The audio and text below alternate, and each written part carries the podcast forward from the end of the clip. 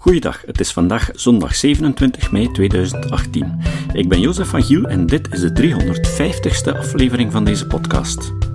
Op 3 maart was de hoogmis van SCEP, de jaarlijkse vergadering van deze vereniging.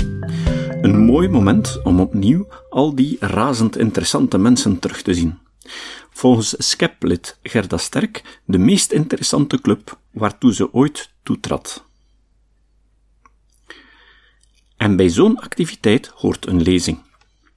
In het Museum van de Journalistiek in Brussel wisten ze Paul Deltour te strikken voor een gesprek over fake news en over de betrouwbaarheid van de journalistiek. Dit gesprek bestond uit twee delen. Eerst heeft Paul Deltour zijn visie gegeven. In het tweede deel was er een panelgesprek met hem.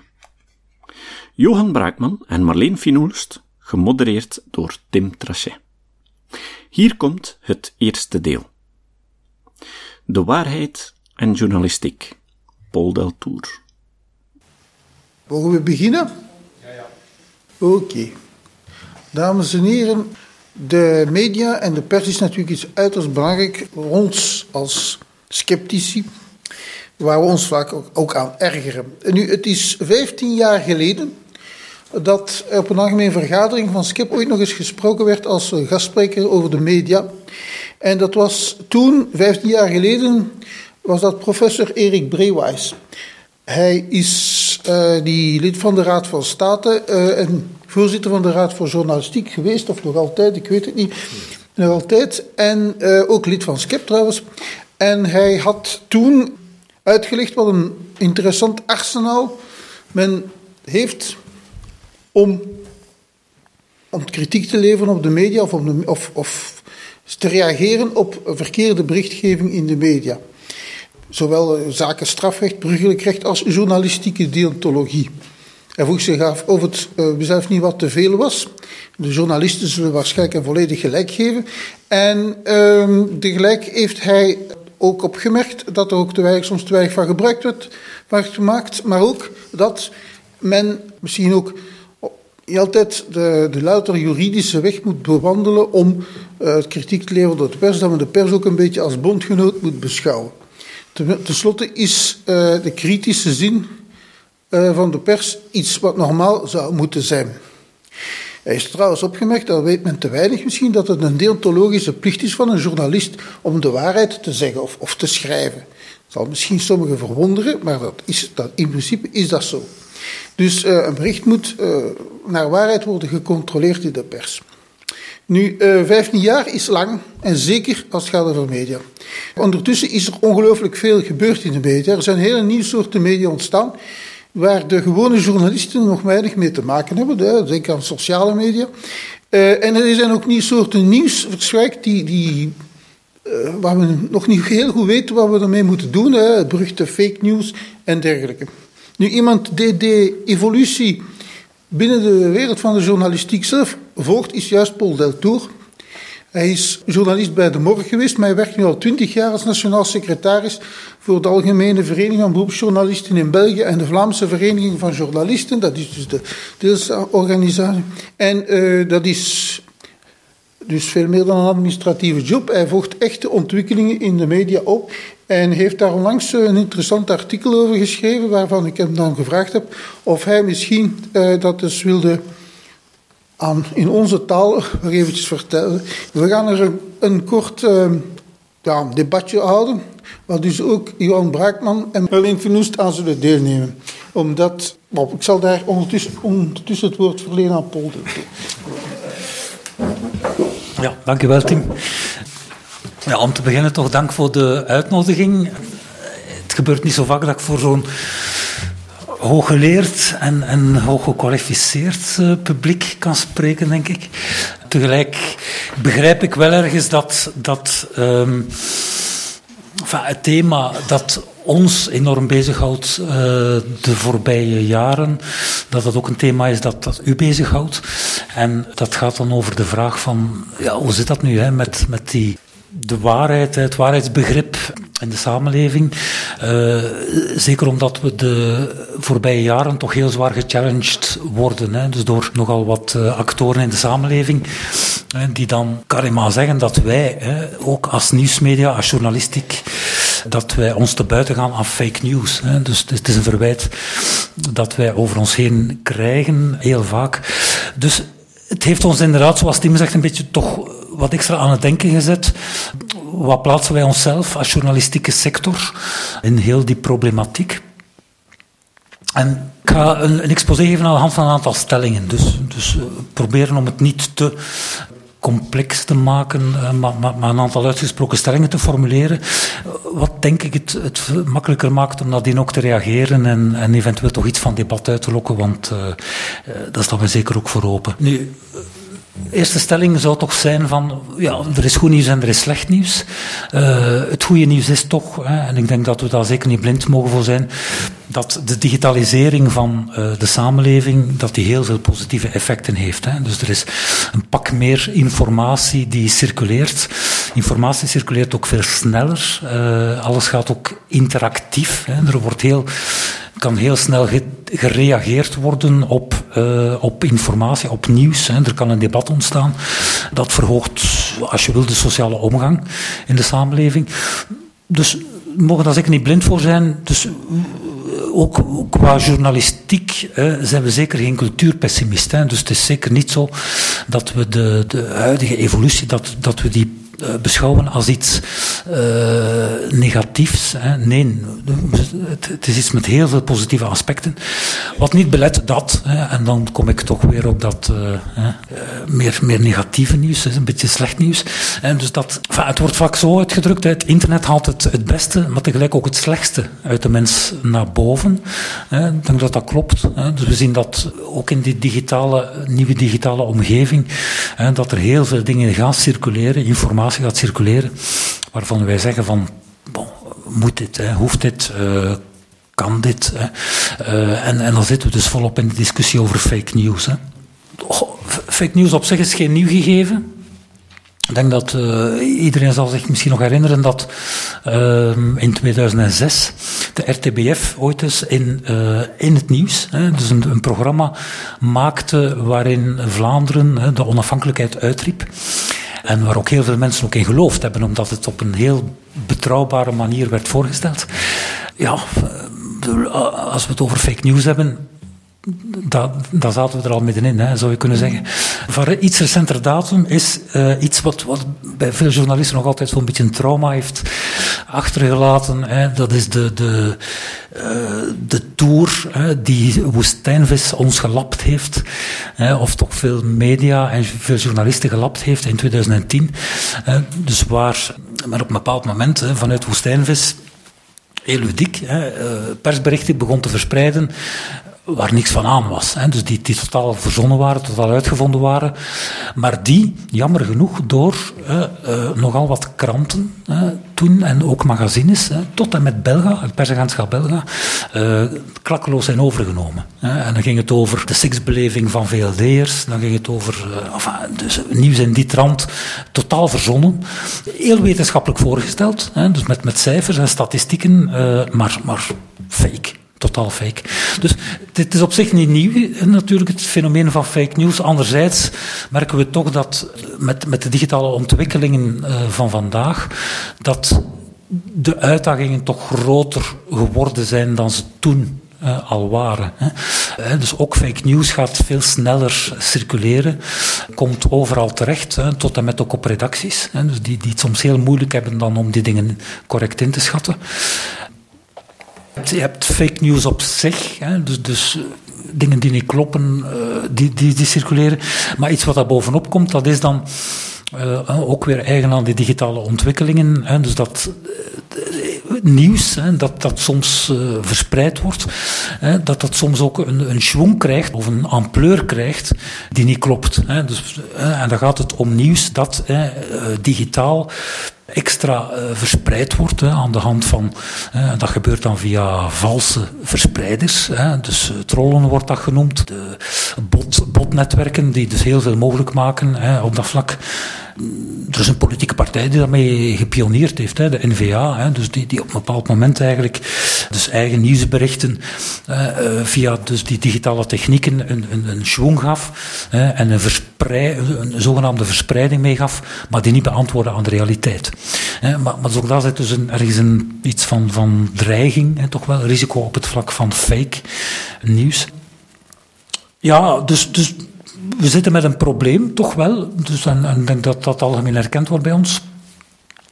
Toch zouden we, uh, om, het, om de discussie een beetje zuiver te houden, uh, pleiten we toch voor een beetje een uitzuivering van de termen. Hè. Dus uh, er wordt, wordt vaak geschermd met ja, echt nieuws en dat fake nieuws. Ik, ik, denk toch dat we beter een onderscheid maken tussen drie categorieën van, van nieuws. Een, een, eerste categorie is dan het, wat je zou kunnen noemen het klassieke nieuws, het professioneel gemaakte nieuws, dat we allemaal kennen uit kranten, magazines, omroepen, eh, persagentschappen, maar waar af en toe fouten insluipen. En we zijn daar niet blind voor. Dus, dus ook in het klassieke nieuws, het team heeft er ook indirect al naar verwezen, ook in het klassieke nieuws worden vaak fouten gemaakt. Dus er zitten soms dingen die, die niet kloppen. Dat wordt dan makkelijk weggezet als oh ja, fake news. Ik denk, denk toch dat we daar een beetje moeten voor oppassen om daar niet te snel de term fake news op te plakken. Dus ik, ik zou er eerder voor pleiten om, om, om toe te geven dat dus ook klassiek gemaakt nieuws, professioneel gemaakt nieuws, fouten kan bevatten niet correct kan zijn. Maar om dat daarom weg te zetten als fake news, denk ik dat dat een brug te ver is. Een tweede categorie van, van nieuws, trouwens, uh, zou je kunnen noemen het, het onechte nieuws. Hè. Onecht nieuws. En wat versta ik dan onder onecht nieuws? Dat is dan nieuws dat geproduceerd wordt niet door uh, professionele nieuwsmedia, maar wel door belangengroepen, door, door politieke partijen, door bedrijven. Uh, ook, ook zij zijn meer dan vroeger, hè, dus dankzij die digitale ontwikkelingen, een bron van nieuws. Hè, dus zij verspreiden informatie. Alleen dat heeft niet het gehalte, dat heeft niet het karakter van onafhankelijk professioneel gemaakt nieuws hè, door beroepsjournalisten, redacties, professionele uitgevers. Eh, het gaat om, om ja, gestuurd nieuws. Het gaat om, om nieuws met, met een stempel. Hè. Laten we dat misschien onecht nieuws noemen. Hè. Ook, ook geen fake nieuws. Ik, ik, ik vind, eh, veel journalisten zeggen dan van ja, die, die, die persberichten of die tweets van Theo Franken of van om het even, eh, ja, dat is fake nieuws. of of de berichten van, van zelfs Trump, fake nieuws. Nee, op een of andere manier hebben die berichten ook ergens wel een informatief gehalte. Hoe het ook eruit of keert. Dus laten we dat misschien onecht nieuws noemen, of, of onechte informatie. En dan heb je een derde categorie, en dat is dan, laten we zeggen, het echte valse nieuws. Dus, en, dat bestaat effectief ook. Dus echt vals nieuws, echt vals nieuws, dat is dan dus nieuws dat dus frauduleus, frauduleus foutief is.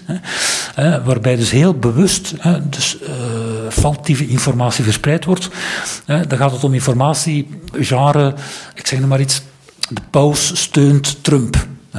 En dus, dus, een bericht dat op een bepaald moment ook uh, heel, heel de wereld is rondgegaan. De paus steunt Trump. Of uh, Saudi-Arabië steunt Macron. Dus ook weer zo'n zo'n bericht dat op een bepaald... Dat zijn heel duidelijk frauduleus gestuurde berichten, die echt wel het stempel fake news verdienen. Veel, veel, veel van dat nieuws vertrekt dikwijls ook uit Oost-Europa, uit Rusland. Rusland is een beetje bekend als de broeihaard van, van uh, echt fake news. Maar ook in Macedonië is op een bepaald moment vastgesteld dat daar een, een, een gemeenschap van jongeren actief was. Dus die, die eigenlijk heel bewust valse berichten, valse nieuwsberichten de wereld instuurde met als bedoeling van zoveel mogelijk reclameinkomsten uh, te genereren. Hè? Want, want dus, uh, dus hoe meer een bericht, uh, zeker een sensationeel bericht, hoe meer dat de wereld rondgaat, ja, hoe meer men hè? bij Google, Facebook en dies meer. En dus er is vastgesteld dat sommige jongeren daar rijk mee geworden zijn. Hè? Met dus die, die fraudeleuze verspreiding van totaal valse nieuwsberichten. Hè? Um, er is niet langer dan vorig jaar is er eigenlijk een heel interessant rapport verschenen van een, een eh, Amerikaanse uh, cyber. Uh, beveiligingsfirma. Dus een, dus een, firma van, van beveiligingsexperts in de cybersfeer. Trend Micro heet het bedrijf. En die hebben, die hebben geprobeerd van is dat echte fake news in kaart te brengen. En uh, hun, hun, conclusies waren echt verontrustend. Dus, dus men, men, heeft dat dus vastgesteld dat overal ter wereld op dit moment hè, er van die firma's, firmaatjes, soms heel klein, hè, uh, actief zijn uh, in, in echt dus het, het frauduleus verspreiden van informatie, met als enige bedoeling van ja, te cashen, van geld te verdienen. Hè. Uh, en dat ging dan bijvoorbeeld ook over een Chinese firma ergens, die score business had, hè, dus werkelijk het creëren van personalities. Hè, dus, dus, uit het niks creëren van, van mensen, ja, en, en, en, en, en op die manier ja, personalities te creëren. Pff, dat kan dan dus tegen prijzen naar rato van 50.000 euro, zoiets, hè, of, of 100.000 euro. Hè. Het frauduleuze hier zit dan, dan vooral in de, uh, dus de verspreiding. Hè. Dus, dus men gaat, men gaat uh, dus frauduleus, hè, gaat men de indruk geven dat, dat die persoon, hè, dus dat, dat die uit het niets, hè, dat, plotseling gigantisch veel volgers heeft en likes heeft en, en die smeer. Uh, ja, dat is, dat fake, hè, dat, is, dat puur fake. Hè. Er, is de, er is ook door Trend Micro een firmaatje gedetecteerd in Mexico dat gespecialiseerd is in het um, in discrediet brengen van journalisten. Dus iets wat ons dan nog eens rechtstreeks ook interesseert. Dus waarbij men dus eigenlijk dus, uh, fraudeleus campagnes gaat opzetten met verzonnen informatie tegen een journalist. Omdat, omdat hij te kritisch is. En, en dat kost dan ook weer 50.000, 100.000 euro. Enfin, het, zijn, het zijn bedragen in die orde die dan betaald worden ja, om maar te zeggen, het bestaat. En het is toch iets wat ons dus zorgen moet baren. Dat echte fake news, wat doen we daar uiteindelijk tegen? Hè? Goed, denk, denk dat, dat toch voor een, beetje een uitzuivering van de discussie kan zorgen als we het onderscheid maken tussen, je hebt klassiek nieuws, maar waar absoluut fouten kunnen inzitten, dus dat niet correct is. Je hebt onecht nieuws en dan heb je dat echte fake nieuws. Dus ik denk toch, als we die dingen uit elkaar houden, dat het iets makkelijker wordt om uh, ook toekomstgericht te proberen van, van oplossingen uh, te bedenken voor, voor de problemen die, die we meemaken. Nogmaals, allee, fundament ben ik persoonlijk, maar wie, ben ik natuurlijk, maar ben ik niet pessimistisch. Ik, bedoel, ik, ik, uh, ik denk niet dat we met alles wat we op dit moment tegenkomen, dat we afstevenen op een uh, informatiecatastrofe, hè, dus waarbij mensen uiteindelijk niks meer gaan geloven en, of, of, waarbij mensen continu misleid worden. Ik ben niet zo pessimistisch wat dat betreft.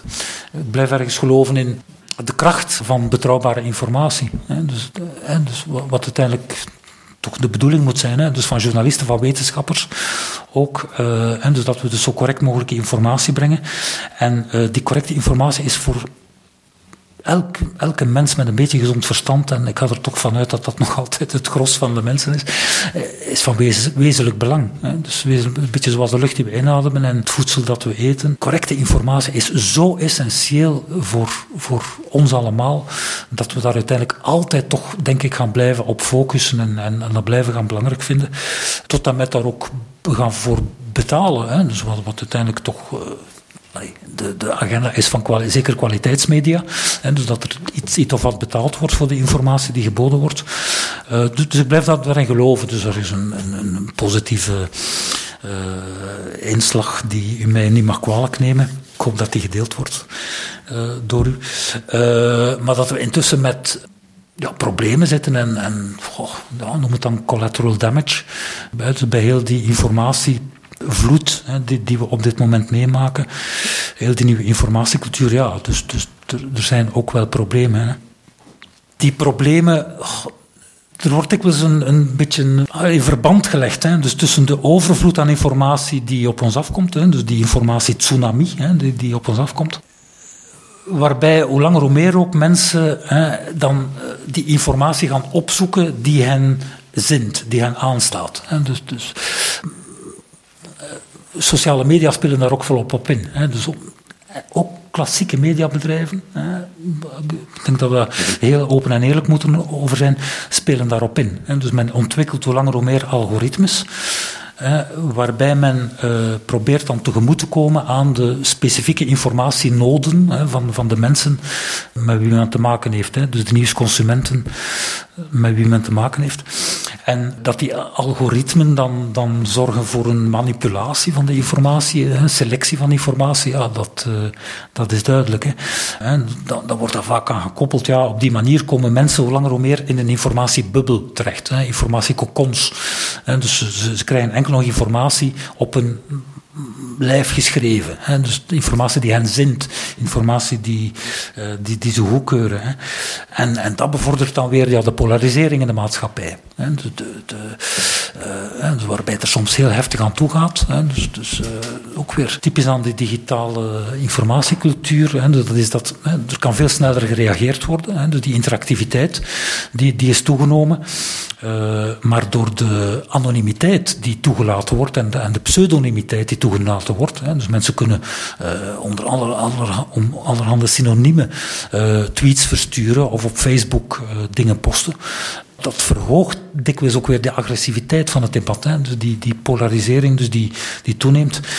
Ja, ik denk dat dat op dit moment wel iets, een heel belangrijk neveneffect is waar, waar we moeten mee rekening houden. Dat dat niet bevorderlijk is voor, voor de samenhorigheid in de samenleving, voor, voor allee, constructieve gedachtenwisselingen. Ja, denk ook klassieke media moeten daar, moeten daar aandacht voor hebben. En dus op dit moment, en dus we weten het, hè, dus dat ook klassieke media, uh, Facebook en, en eh, Twitter achterna, dat die redeneren van, ja, we moeten ons publiek zoveel mogelijk op maat bedienen. Hè, dus zoveel mogelijk bedienen met informatie die, die een omgeving past ja, toch een beetje voor oppassen. Uiteindelijk, de, de filosofie van klassieke media is altijd geweest, we brengen het nieuws zoals het zich aandient. Dus uh, de nieuws, uh, that's fit to print, zoals het uh, in, in Amerikaanse dagbladen dikwijls gepresenteerd wordt. Ja, dat, dat denk ik moet de invalshoek blijven. Dus ik denk dat we niet rap mogen toegeven aan die nieuwe informatiecultuur, waarbij, waarbij eigenlijk heel selectief het nieuws wordt aangeboden aan uh, wel bepaalde mensen. Voor, een stuk kun je dat wel begrijpen. Hè. Als je bijvoorbeeld, ik zeg maar iets, een, digitaal abonnement hebt op het nieuwsblad en op een bepaald moment vink je aan dat je in uh, Leuven woont, ja goed, dan valt het absoluut te begrijpen dat vanuit het nieuwsblad.be uh, dat er Leuvens nieuws zal worden aangeboden en niet het nieuws van aan de kust. Dat, dat, dus, dus daar werkt het wel, kan het werken, is perfect geoorloofd. Misschien zelfs idem voor sport. Dus als je op een bepaald moment aanvinkt dat je vooral geïnteresseerd bent in, in voetbal, ja, goed, dat je dan niet direct uh, alle, uh, eerst en vooral alle nieuws krijgt over, over volleybal, is misschien nog te verdedigen. Maar dan denk ik dat het ergens stopt. Dus vanaf het moment dat het gaat over politiek nieuws, over echt maatschappelijk nieuws, dan denk ik toch dat we moeten oppassen dat we ons bijvoorbeeld niet erop laten verleiden door wat, wat op dit moment al bestaat. Hè. Dus de algoritmen bestaan. Dus, dus waarbij een medium kan uh, uitvissen wat de politieke uh, opvattingen zijn van iemand. Hè, en aan de hand van dus het, het consumentengedrag, dus het, het, de nieuwsconsumptie, hè, gaat men dan uitvissen of iemand meer links georiënteerd is, meer rechts, misschien uh, meer, meer centrum. En het, het nieuwsaanbod hè, spitst zich daar dan op toe. Daar denk ik dat we op een heel gevaarlijk uh, hellend vlak zitten. Dus dat, dat dat absoluut niet de bedoeling kan zijn. Uh, maar goed, ik heb ook niet de indruk dat de klassieke media uh, in dat perspectief denken. In tegenstelling tot sociale media. En dus waarvan we dus weten dat die dus wel degelijk op die manier hun aanbod willen organiseren. Ja, dus er is nogal wat collateral damage in, in, de vorm dus op dit moment van die polarisering, die, die, die soms heel heftig is. En waar ook, ook media en journalisten het slachtoffer van zijn. Dus ik wil misschien, ik wil me niet, niet te veel zelf in de martelaarsrol duwen, maar we stellen toch vast dat ook journalisten dus rechtstreeks slachtoffer zijn hè, van, van die nieuwe mediacultuur die, die, die toch uh, uh, woedt. In die zin dat uh, journalisten soms ook heel persoonlijk worden aangevallen. Hè, op Twitter, op Facebook. het is niet voor niks, denk ik, dat op dit moment meer en meer journalisten zeggen van Twitter, dat hebben we Dat hebben we gezien. Hè. Dus dat is voor ons een uh, gedane zaak. Uh, en men trekt, uh, men trekt daarvan weg. Wat, wat, eigenlijk een beetje jammer is, omdat Twitter ook een heel interessant platform is. Hè, voor de uitwisseling van ideeën. Maar, maar door de agressiviteit van het debat op, Twitter, op Facebook, voelen veel journalisten zich gewoon niet meer niet meer veilig soms. Hè. Ik lees vanmorgen nog in de krant dat Twitter nogmaals worstelt met, met dat gegeven. Hè, dus dat Jack Dorsey zegt van ja, er passeert veel te veel gemene taal bij ons op Twitter, veel te veel fake news ook hè, op Twitter, dus we moeten daar een oplossing voor vinden. Alleen, ik zou niet weten hoe. En dat, dat, dat is wat Jack Dorsey van Twitter blijkbaar gisteren gecommuniceerd heeft nog eens. Dus ja, hoe, raak je daar dan uit?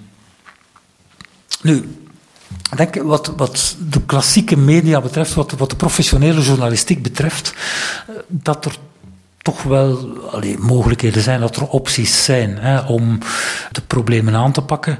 Uh, en eigenlijk is het simpel. Hè, en, ja, neem het mij niet kwalijk dat ik bewandelde paden uh, bewandel. Maar waar het op aankomt, dat is blijven investeren in die kwaliteit van, van journalistiek. Dus gewoon uh, ons best blijven doen en uh, niet, alleen invest, niet alleen dan op digitaal vlak, op technologisch vlak, wat ook heel belangrijk is. En dus dat, dat, dat journalistiek op dat vlak uh, blijft grote inspanningen doen, is, is zo belangrijk. Hè, dat we mee zijn met die nieuwe technologie. Maar um, het mag niet het enige zijn. En dus wat we vaststellen is dat de voorbije jaren alle persgroepen, en dan gaat het werkelijk om, om, om uh, de private, de commerciële bedrijven, persgroep Mediahuis, Roularta, tot en met de VRT, dat die de voorbije jaren veel meer geïnvesteerd hebben in informatici dan in journalisten. Ze hebben veel meer informatici aangeworven dan, dan journalisten. Dus we hebben die cijfers. En eigenlijk is dat jammer. Dus eigenlijk, eigenlijk moet men de twee doen. Hè. Dus technologische investeringen zijn belangrijk, maar ook men moet blijven investeren in die inhoud, in die content, hè, om dat woord te gebruiken. Niet iedereen hoort dat graag, content, maar uh, die, die, die, die, journalistieke inhoud, hè, dus dat nieuw, eigenlijk een nieuwsaanbod moet ook kwalitatief op een goed, behoorlijk niveau blijven. En dat veronderstelt investeringen in redacties, hè, in journalisten. Hè. En, op dit moment gebeurt dat uh, te weinig. Dus uh, we, zitten, enfin, we, gaan, we gaan ook niet dramatiseren daarover. Ik denk uiteindelijk dat, uh, zeker als je naar het Vlaamse uh, medialandschap kijkt, dat de, de journalistieke gemeenschap de grote uh, crisisdans hè, van, van ontslagen en herstructureringen uh, ontsprongen is. Hè. Dus het is een beetje, een beetje opmerkelijk zelfs, zou je kunnen zeggen.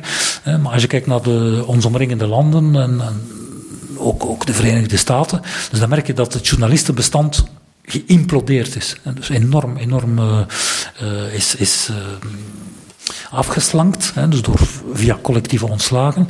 En dat is bij ons veel minder of zelfs nauwelijks gebeurd. Dus het journalistenbestand in Vlaanderen is, is status quo gebleven. Dat is heel opmerkelijk. Je zou kunnen zeggen, status quo is ook niet goed. Stilstaan is achteruit gaan, ja. Maar ja, blijft, blijft opmerkelijk dat we dat, dat wij dat toch ergens uh, overeind gebleven zijn.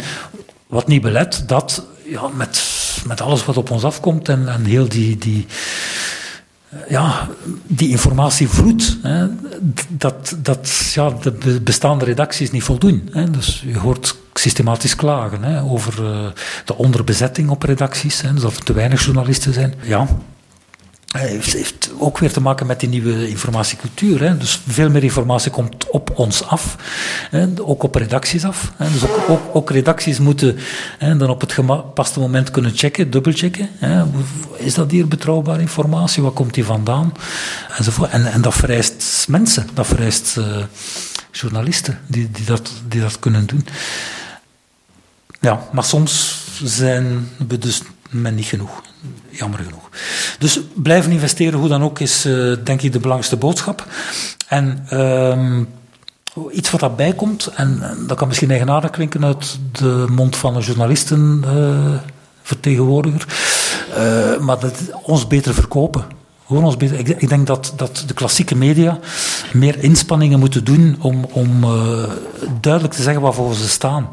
Ook, ook journalisten, professionele journalisten, moeten duidelijker zich presenteren. Moet, moeten we zeggen van kijk, wij zijn professioneel bezig met die dingen. We zijn onafhankelijk bezig met, met dat nieuws.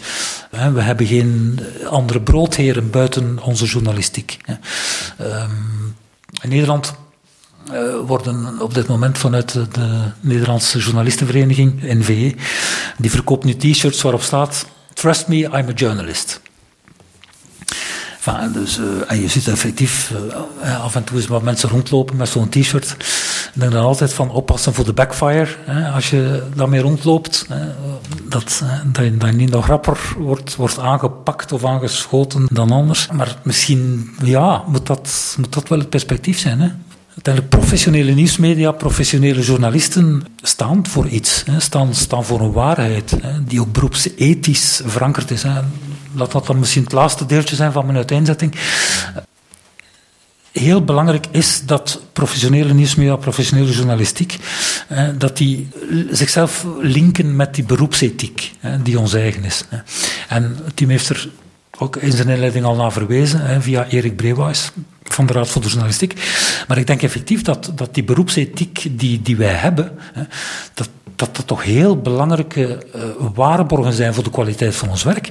Maar ook heel interessante keurmerken zijn naar buitenuit. Dus ik, ik, denk persoonlijk dat, we meer dan vroeger nog moeten duidelijk maken hè, dat in die, die beroepsethiek die we hebben, die code van de Raad voor de Journalistiek, hè, dat daar een aantal principes in staan ja, die, die ons kenmerken hè, en, en, en waar we garant voor staan. Hè. Je kunt die principes samenvatten rond, rond vier grote ankers. Hè. Vier, er zijn eigenlijk vier hoofdstukjes in onze code van de Raad voor de Journalistiek. Uh, hoofdstukken over onafhankelijkheid, correctheid, de correctheid van onze informatie. Uh, ten derde respect voor de privacy. Er is een apart hoofdstuk over. En dan is er ten vierde een hoofdstuk over eerlijkheid, over, over uh, eerlijke praktijken. Best practices. bijvoorbeeld als we een interview afnemen en er wordt afgesproken dat de geïnterviewde het kan nalezen, dan moeten we dat ook doen. Dan, dan, dan moeten we dat ook respecteren. Dus dat, dat, valt onder die uh, eerlijke praktijken.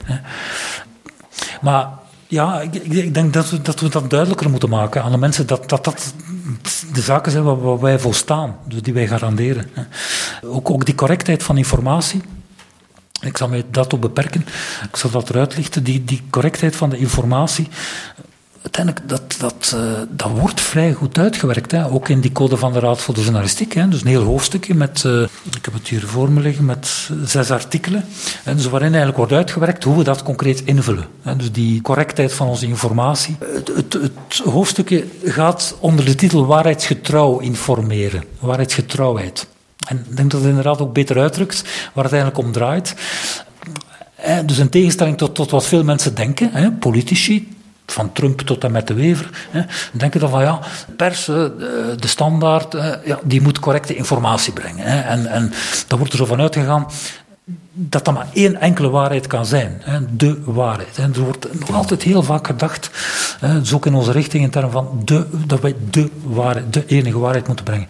Maar daar geloven wij al lang niet meer in. Hè. Daar geloven wij al lang niet meer in. Ik denk net zoals elk van u, wetenschappers, uh, de waarheid, bij ons weten bestaat die niet. Hè. Dus laten we ons, uh, ons heel verwant voelen met Skep in dat verband.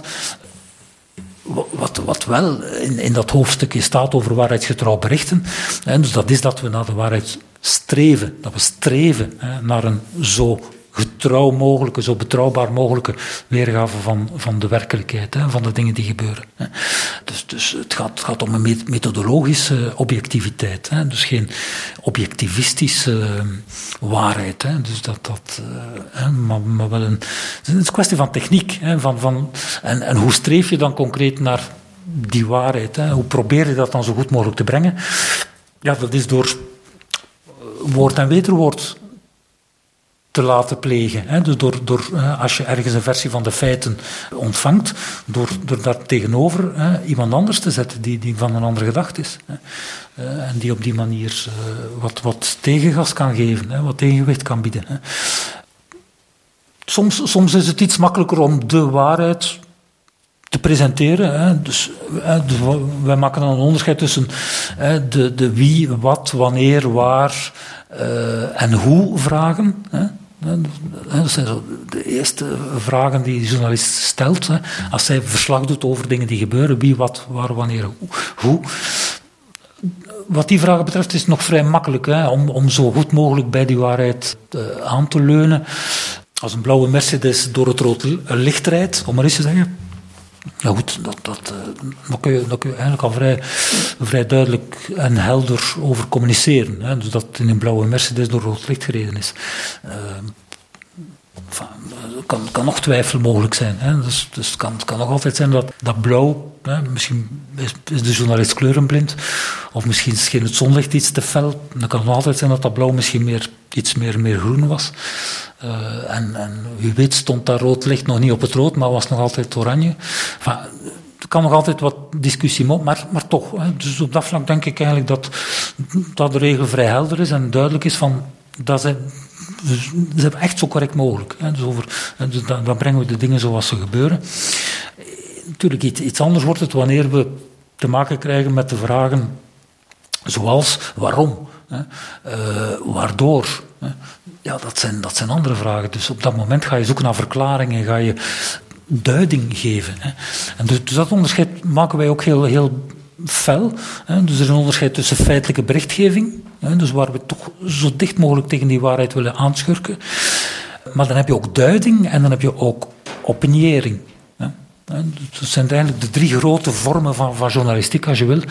Wat, wat de duiding betreft, hè, dus dan gaat het over het geven van achtergrond, het geven van context. Hè. Uh, een trein is ontspoord. Goed, feitelijke verslaggeving kan behoorlijk correct zijn. Maar, maar misschien hè, rest dan toch de vraag van, ja, veelste keer is dat nu, dat, dat een trein ontspoort? Hè? Uh, waar ligt het aan dat die trein ontspoort? Wat... Uh, enzovoort. Dus, dus, dan zit je te duiden, dan zit je context te geven. Dat wordt al iets subjectiever. Dus dan, dan, dan zit je toch al iets meer in een, in een subjectieve omgeving. Hè. En nog subjectiever wordt het natuurlijk ja, wanneer er geopinieerd wordt. Hè. Nu, ik denk toch dat, dat iedereen ons dat moet gunnen, dat iedereen ons dat, dat recht moet laten. Hè. Dat is uh, het recht van de pers om te opiniëren. dus vroeger sprak men niet voor, niet niks hè, van de opiniepers. toen het ging over kranten en, en magazines, hè, werd de opiniepers genoemd. Uh, precies omdat, omdat die opiniëring zo'n zo'n belangrijke component was van, uh, van wat zij deden. Natuurlijk, als je begint met opiniëren, ja, dan ben je per definitie subjectief bezig. Dus dat, en laat dat duidelijk zijn.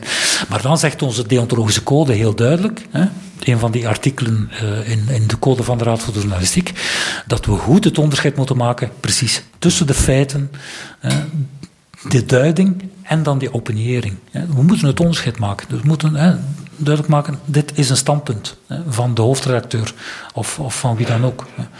Dus het onderscheid tussen feiten en, en commentaar moet, uh, moet duidelijk zijn. Voilà, dus, dus ook weer zo'n element van, van, laten we zeggen, die, die methodologie, hè, dus die wij hanteren om zo dicht mogelijk bij de waarheid uh, te komen. Lukken we daarin? Nee. Allee, we, gaan daar, moeten daar open kaart over spelen. Hè. Lukken we daar elke dag opnieuw in om dat goed te doen? Nee. Anderzijds denk ik toch dat we over de kwaliteit, en laat het dan mijn slotwoordje zijn, toch nog eens een pleidooi pro domo, als u mij toestaat. Uh, maar ik denk in het algemeen dat het toch met ik verwacht, verwacht opmerking. Uh, maar dat het in het algemeen met het, het kwaliteitsniveau van de Vlaamse, Belgische pers meevalt denk ik, in eer en geweten te mogen zeggen. Uh, ik denk dat we er niet slecht aan toe zijn. Er worden fouten gemaakt. Uh, uh, soms worden we al een keer veroordeeld. Of krijgen we een tik op de vingers van onze eigen raad voor de journalistiek. Maar in het algemeen denk ik toch dat we niet mogen klagen over het niveau van de berichtgeving die gebracht wordt. Ik kan het met één klein voorbeeldje nog, nog illustreren. Er zijn weinig landen, om niet te zeggen bijna geen, waar een commerciële omroep het, het nieuwsniveau haalt wat bij ons VTM haalt. Dus uh, we zijn praktisch geen landen ter wereld waar een commerciële omroep een volwaardig journaal brengt, zoals VTM dat doet. En kunt kritiek hebben op het VTM-journaal, al wat je wil. Maar uh, voor een commerciële omroep is het opmerkelijk dat men dat, men dat niveau haalt. Uh, dus waarvan sommigen dan zelfs zullen zeggen van ja, het is eigenlijk inwisselbaar met het één journaal hè, van, uh, van VRT, het eerste VRT-kanaal. ja, maar het, bedoel, het, het, is maar één elementje om aan te geven dat we toch niet te rap te zwaar moeten gaan klagen, oh, denk ik, over het niveau van de journalistiek bij ons. Um, ik hoor ook wel politici zeggen van, ja, dat het op niks trekt. Hè, en dat de pers tegen hen is hè, en niet onafhankelijk is. En, ik denk, denk dat uh, de waarheid, om dat woord dan toch nog eens te gebruiken, toch een stuk genuanceerder is. En uh, voilà. Ik ga daarbij laten, want het is zeker niet de bedoeling om, om jullie namiddag te verpesten met, uh, met meer gedram over uh, journalistiek. Maar ik sta absoluut open voor, voor vragen en opmerkingen en kritieken. Is geen probleem.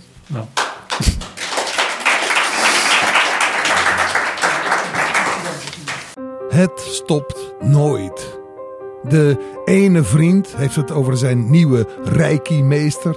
En een ander postte zojuist over nog maar eens een volledig natuurlijke kankerbehandeling waarvan zij niet willen dat jij ze kent. Als sceptici steken we veel tijd in pogingen om de mensen om ons heen tegen deze en andere vormen van kwakzalverij te beschermen. Maar er bestaat een manier om miljoenen te bereiken. Guerrilla Skepticism op Wikipedia is een groep die eraan werkt om de beste sceptische informatie in alle talen binnen handbereik te houden. De training is leuk, verloopt aan je eigen tempo en we hebben onze eigen supergeheime Facebookgroep. Je gaat de wereld al slapende opvoeden. Wil je meer weten? E-mail ons op gsowteam.gmail.com Guerrilla Skepticism. De tijd is aangebroken. Op maandag 4 juni om 20 uur worden in De Corridor in Wetteren de sceptische prijzen uitgedeeld. Ga naar de website van Skep, skep.be, om meer details te weten over hoe je kan inschrijven en waar de corridor is. Het citaat. Het citaat van vandaag komt van Steven Pinker. Steven Pinker is een Amerikaanse taalkundige en psycholoog. Hij is bekend geworden met zijn boeken Het Onbeschreven Blad en Ons Betere Ik. In Het Onbeschreven Blad ging hij in tegen de opvatting dat een kind een onbeschreven blad is dat je door opvoeding in gelijk welke richting kan laten evolueren. Het boek is niet meer te krijgen in het Nederlands, maar ik kon nog een tweedehands versie op de kop tikken. In ons betere ik bewijst hij met massa's data dat de wereld er nog nooit zo goed heeft voorgestaan als nu. We leven steeds langer, er is steeds minder geweld, enzovoort. Pinker zei: De verlichting omvat vier thema's: reden, humanisme, wetenschap en vooruitgang. Het idee is dat we kennis verwerven over de manier waarop de wereld en de mens werken, dat we een wetenschap van de menselijke aard ontwikkelen en het welzijn van de mens verbeteren. Dat welzijn kun je definiëren als gezondheid, geluk, een lang leven, kennis, het zoeken naar schoonheid en sociale banden. Tot de volgende keer. Deze podcast is het resultaat van het werk van veel mensen. Rick de Laat verbetert bijna al mijn teksten en maakt de meeste vertalingen. Emiel Dingemans verzorgt onze website en Facebookpagina. Ook Leon Korteweg en Stefan Sutens schrijven, vertalen of verbeteren soms artikelen. Leon onderhoudt bovendien het YouTube-kanaal van deze podcast. De muziek van de intro en de trailer heeft Nick Lucassen geschreven en soms maken we ook gebruik van muziek van Ad van Nederpelt, die ons zijn prachtige composities ter beschikking stelt. Dit was de podcast Kritisch Denken. Vergeet niet om alles kritisch te behandelen, ook deze podcast. Voor verdere informatie over deze podcast, links en voor de tekst, surf naar www.kritischdenken.info. Als je deze podcast belangrijk vindt, kun je me steunen door anderen warm te maken ook eens te luisteren. Stuur een e-mail naar vrienden met een link naar de website en plaats de link in de handtekening van je e-mails. Tevens kun je op iTunes deze podcast een beoordeling geven of een recensie schrijven. Of je kan op je eigen website of blog een link naar kritisch denken plaatsen.